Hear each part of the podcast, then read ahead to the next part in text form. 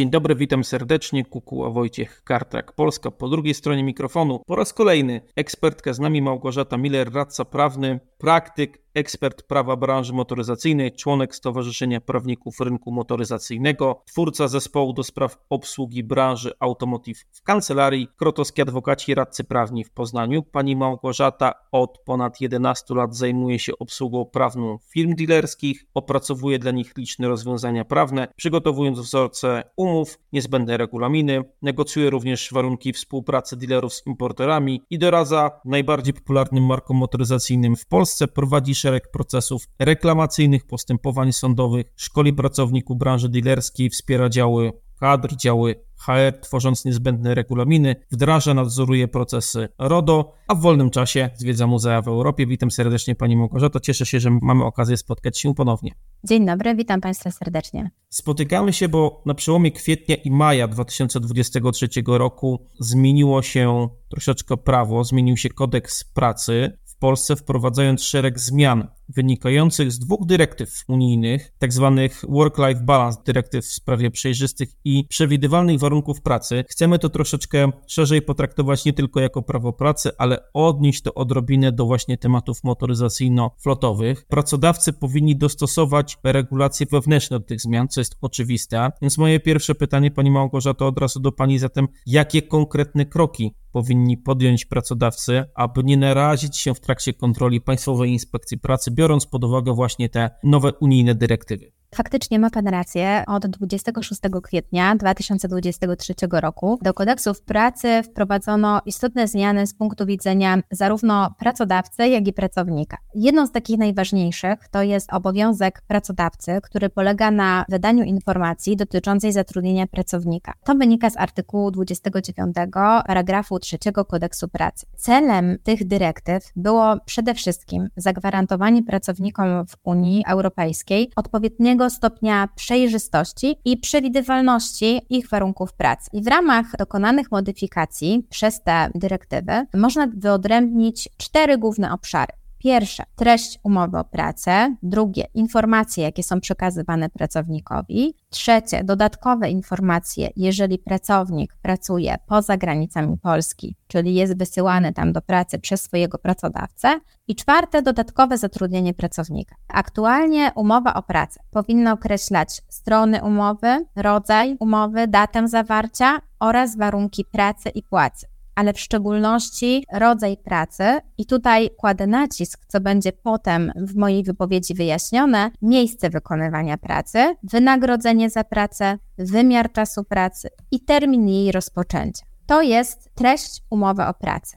Ale są jeszcze dodatkowe informacje, które powinny zostać przekazane właśnie na podstawie tego artykułu 29 paragrafu 3 kodeksu pracy. I te dodatkowe informacje to Czas trwania to przede wszystkim informacja o wymiarze czasu pracy, jak długo ten pracownik będzie pracował, czyli obowiązująca go dobowa i tygodniowa norma czasu pracy, obowiązujący go dobowy i tygodniowy wymiar czasu pracy, przysługujące mu przerwy w pracy. No i tutaj też pojawiają się od razu wątpliwości wśród pracowników, jak i pracodawców, jakie przerwy wpisujemy do tej informacji o zatrudnieniu. Czy to są przerwy, które wynikają z przepisów BHP, czy tylko wskazujemy te przerwy, które są przewidziane przez kodeks pracy. I ta ilość przerw będzie uzależniona od tego dobowego wymiaru czasu pracownika. Czyli jeżeli wynosi co najmniej 6 godzin, to ma prawo do przerwy w pracy, która trwa przynajmniej 15 minut. Jeżeli pracuje więcej niż 9 godzin, to kolejne 15 minut. Jeżeli powyżej 16 godzin, to jeszcze kolejne 15 minut.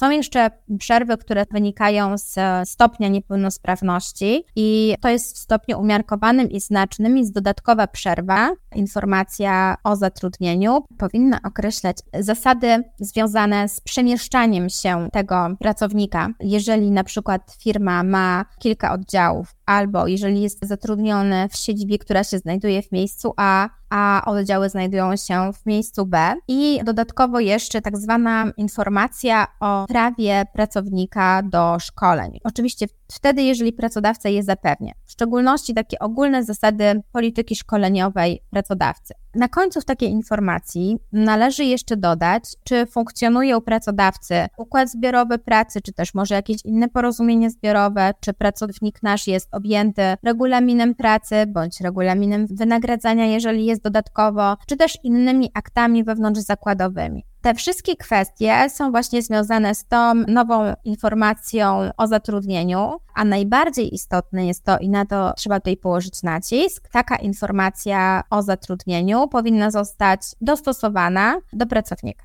Pani Małgorzato, biorąc pod uwagę w sumie kontekst tych zmian, i ich rozległość, w jaki sposób można byłoby te zmiany, bo ktoś może stwierdzić, a dyrektywa dotycząca balansu pomiędzy życiem zawodowym a życiem prywatnym, co to ma wspólnego z pracownikami, którzy na co dzień poruszają się samochodami flotowymi. W związku z tym to pytanie odbijam piłeczkę do Pani, w jaki sposób te zmiany w przepisach prawa pracy już u nas w Polsce wpływają na pracowników flot samochodowych w przedsiębiorstwach.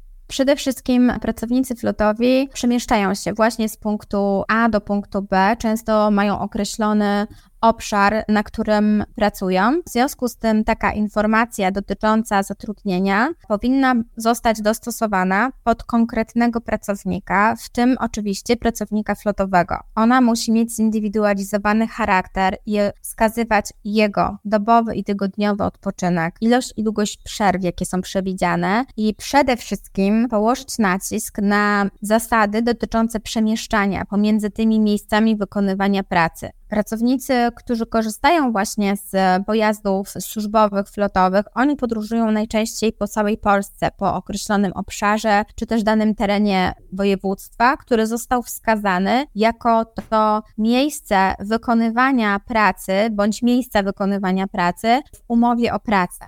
To teraz idąc dalej, chciałbym jeszcze dopytać, bo pani właśnie wspomina, że ma to wpływ na mm, pracowników, którzy na co dzień poruszają się samochodami służbowymi. Czy biorąc pod uwagę nowe przepisy, należy te elementy, o których pani dosłownie przed chwilą wspomniała, zapisać i w związku z tym zmodyfikować politykę flotową, regulamin użytkowania auta służbowego? Czy tą dokumentację należy zmienić i przede wszystkim też, jeżeli tak, to jak to zrobić? Tutaj te zmiany nie dotykają tak bezpośrednio treści zarówno polityki flotowej, czy też regulaminu użytkowania aut służbowych. Tak jak wspomniałam wcześniej, one mają wpływ na tą informację o zatrudnieniu, ale w momencie, kiedy przychodzi do naszego pracodawcy kontrola z Państwowej Inspekcji Pracy, to pierwsze, co teraz sprawdza, czy pracodawca dostosował swoje regulacje wewnętrzne, w tym właśnie informacje o zatrudnieniu do umowy o pracę, którą daje się pracownikowi, do tych zmieniających się przepisów. I bardzo zwraca uwagę na fakt, jeżeli pracodawca ma kilka oddziałów, to w jaki sposób właśnie zostały w tej informacji określone te zasady przemieszczania się. Dlatego myślę, że jest to istotne i należy sięgnąć do tych dokumentów kadrowych i sprawdzić, czy na pewno wszystko mamy przygotowane, w razie czego na przejście takiej kontroli. Ja bym chciał dopytać Pani Małgorzato w bardziej też praktycznym ujęciu, jak ująć zapisy w tych naszych regulacjach wewnętrznych, polityka flotowa, regulamin użytkowania auta służbowego wobec pracowników, którzy na co dzień po prostu podróżują, realizują swoje zadania wyłącznie w oparciu o samochód służbowy. Takich osób pewnie mamy dziesiątki, jak nie setki tysięcy. Czyli siedziba firmy, dajmy na to, jest w Warszawie, w Poznaniu. Ja budzę się pod Gdańskiem, tam mam swój samochód służbowy, to jest mój region operacyjny działania i na co dzień realizuję zadania po prostu w województwie, na przykład właśnie pomorskim. Wyruszam z domu pod kilka kilkanaście adresów tylko w tym rejonie, aby realizować swoje zadania służbowe. Jak takim osobom wyliczyć czas dojazdu do pracy, czas przerw i te wszystkie nowe prawem nakazane zasady?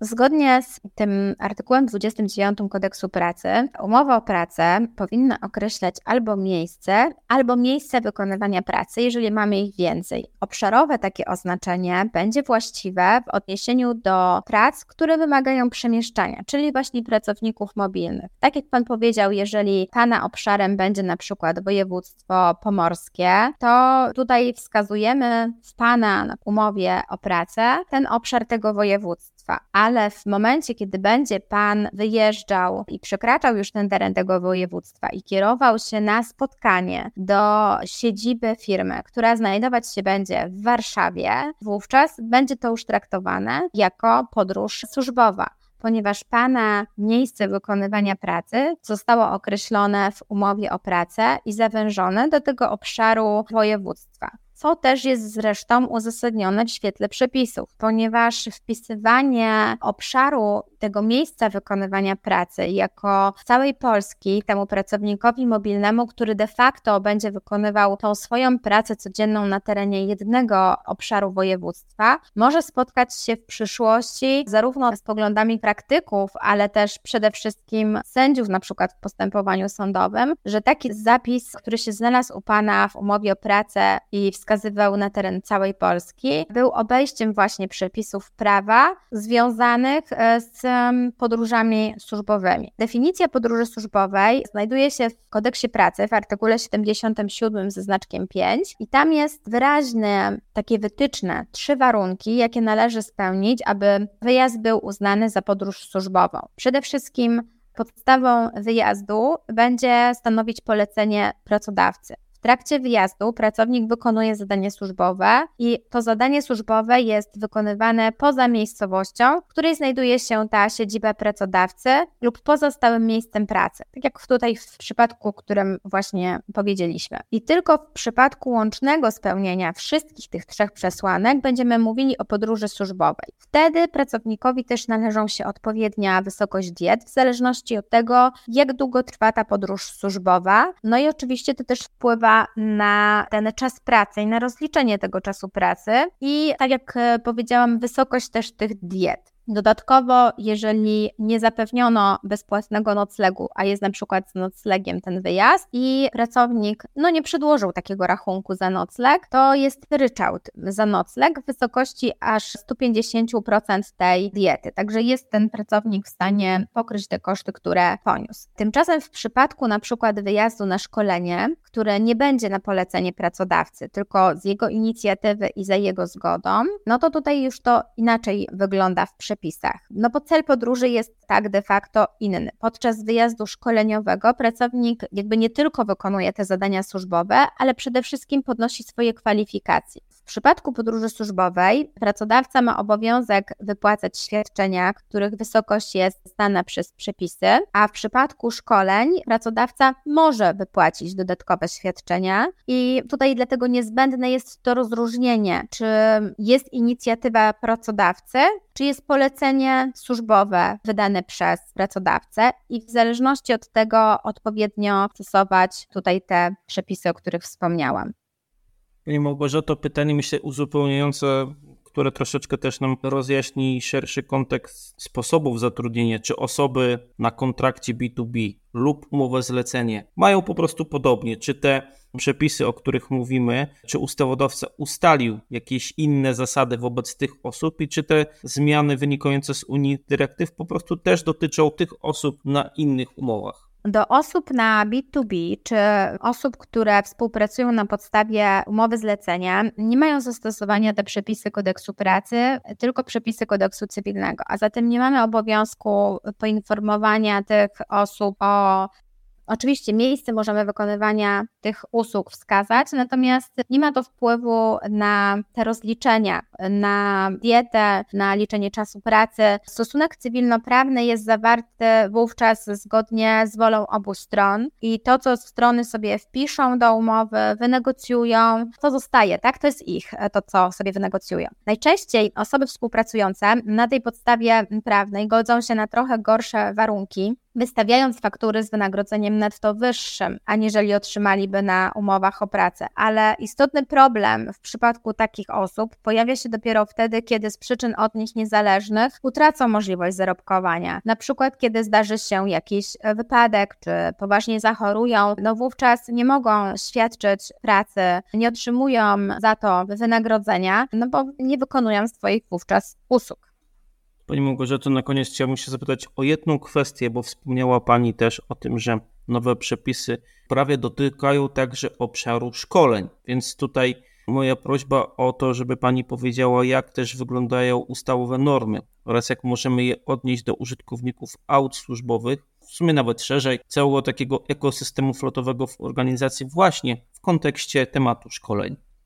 W tej informacji o warunkach zatrudnienia po nowelizacji, tak jak wspomniałam wcześniej, powinna znaleźć się informacja o uprawnieniach pracownika do odbywania szkoleń, o ile pracodawca je zapewnia. I gdy na mocy przepisów pracodawca jest zobowiązany do zapewnienia pracownikowi szkolenia dla celów wykonywania pracy, dla której został zatrudniony, wówczas szkolenie powinno odbywać się bezpłatnie, wliczać się do czasu pracy i odbywać w miarę możliwości w godzinach pracy. I naruszenie tych przepisów przez pracodawcę stanowi wykroczenie przeciwko prawom pracownika i podlega karze grzywny aż od 1000 do 30 tysięcy złotych, co wymaga podkreślenia PIP, który kontroluje pracodawcę w ramach kontroli prewencyjnej lub wskutek skargi, bo oczywiście to często się zdarza, złożonej przez pracownika lub byłego pracownika, weryfikuje te informacje o zatrudnieniu no i sprawdza, czy one znajdują odzwierciedlenie w rzeczywistości, czyli będzie sprawdzał czas pracy, te przerwy w pracy, rozliczenie podróży służbowych i rozliczenie czasu pracy poświęconego na szkolenie, na odbywanie tych szkoleń. Pani Małgorzato, to z tego też płynie taki wniosek, że to, co Unia Europejska i jakie dyrektywy przyjmuje, później bezpośrednio odniesienie do polskiego oczywiście prawa pracy. Natomiast nieważne jak nazywa się ta dyrektywa i jak tematycznie może wydawać się, że jest odległa od tematów flotowych, w sumie za każdym razem należałoby ją do tego odnieść, bo tak jak pani wykazała w eksperckiej analizie, jest na co zwracać uwagę za każdym razem, biorąc również nie tylko pod uwagę kontrolę Państwowej Inspekcji Pracy, ale tak jak pani na koniec wspomniała, same zgłoszenia ze strony pracownika. Dlatego serdecznie dziękuję za opracowanie i przygotowanie tego tematu i mam nadzieję do usłyszenia wkrótce. Bardzo dziękuję.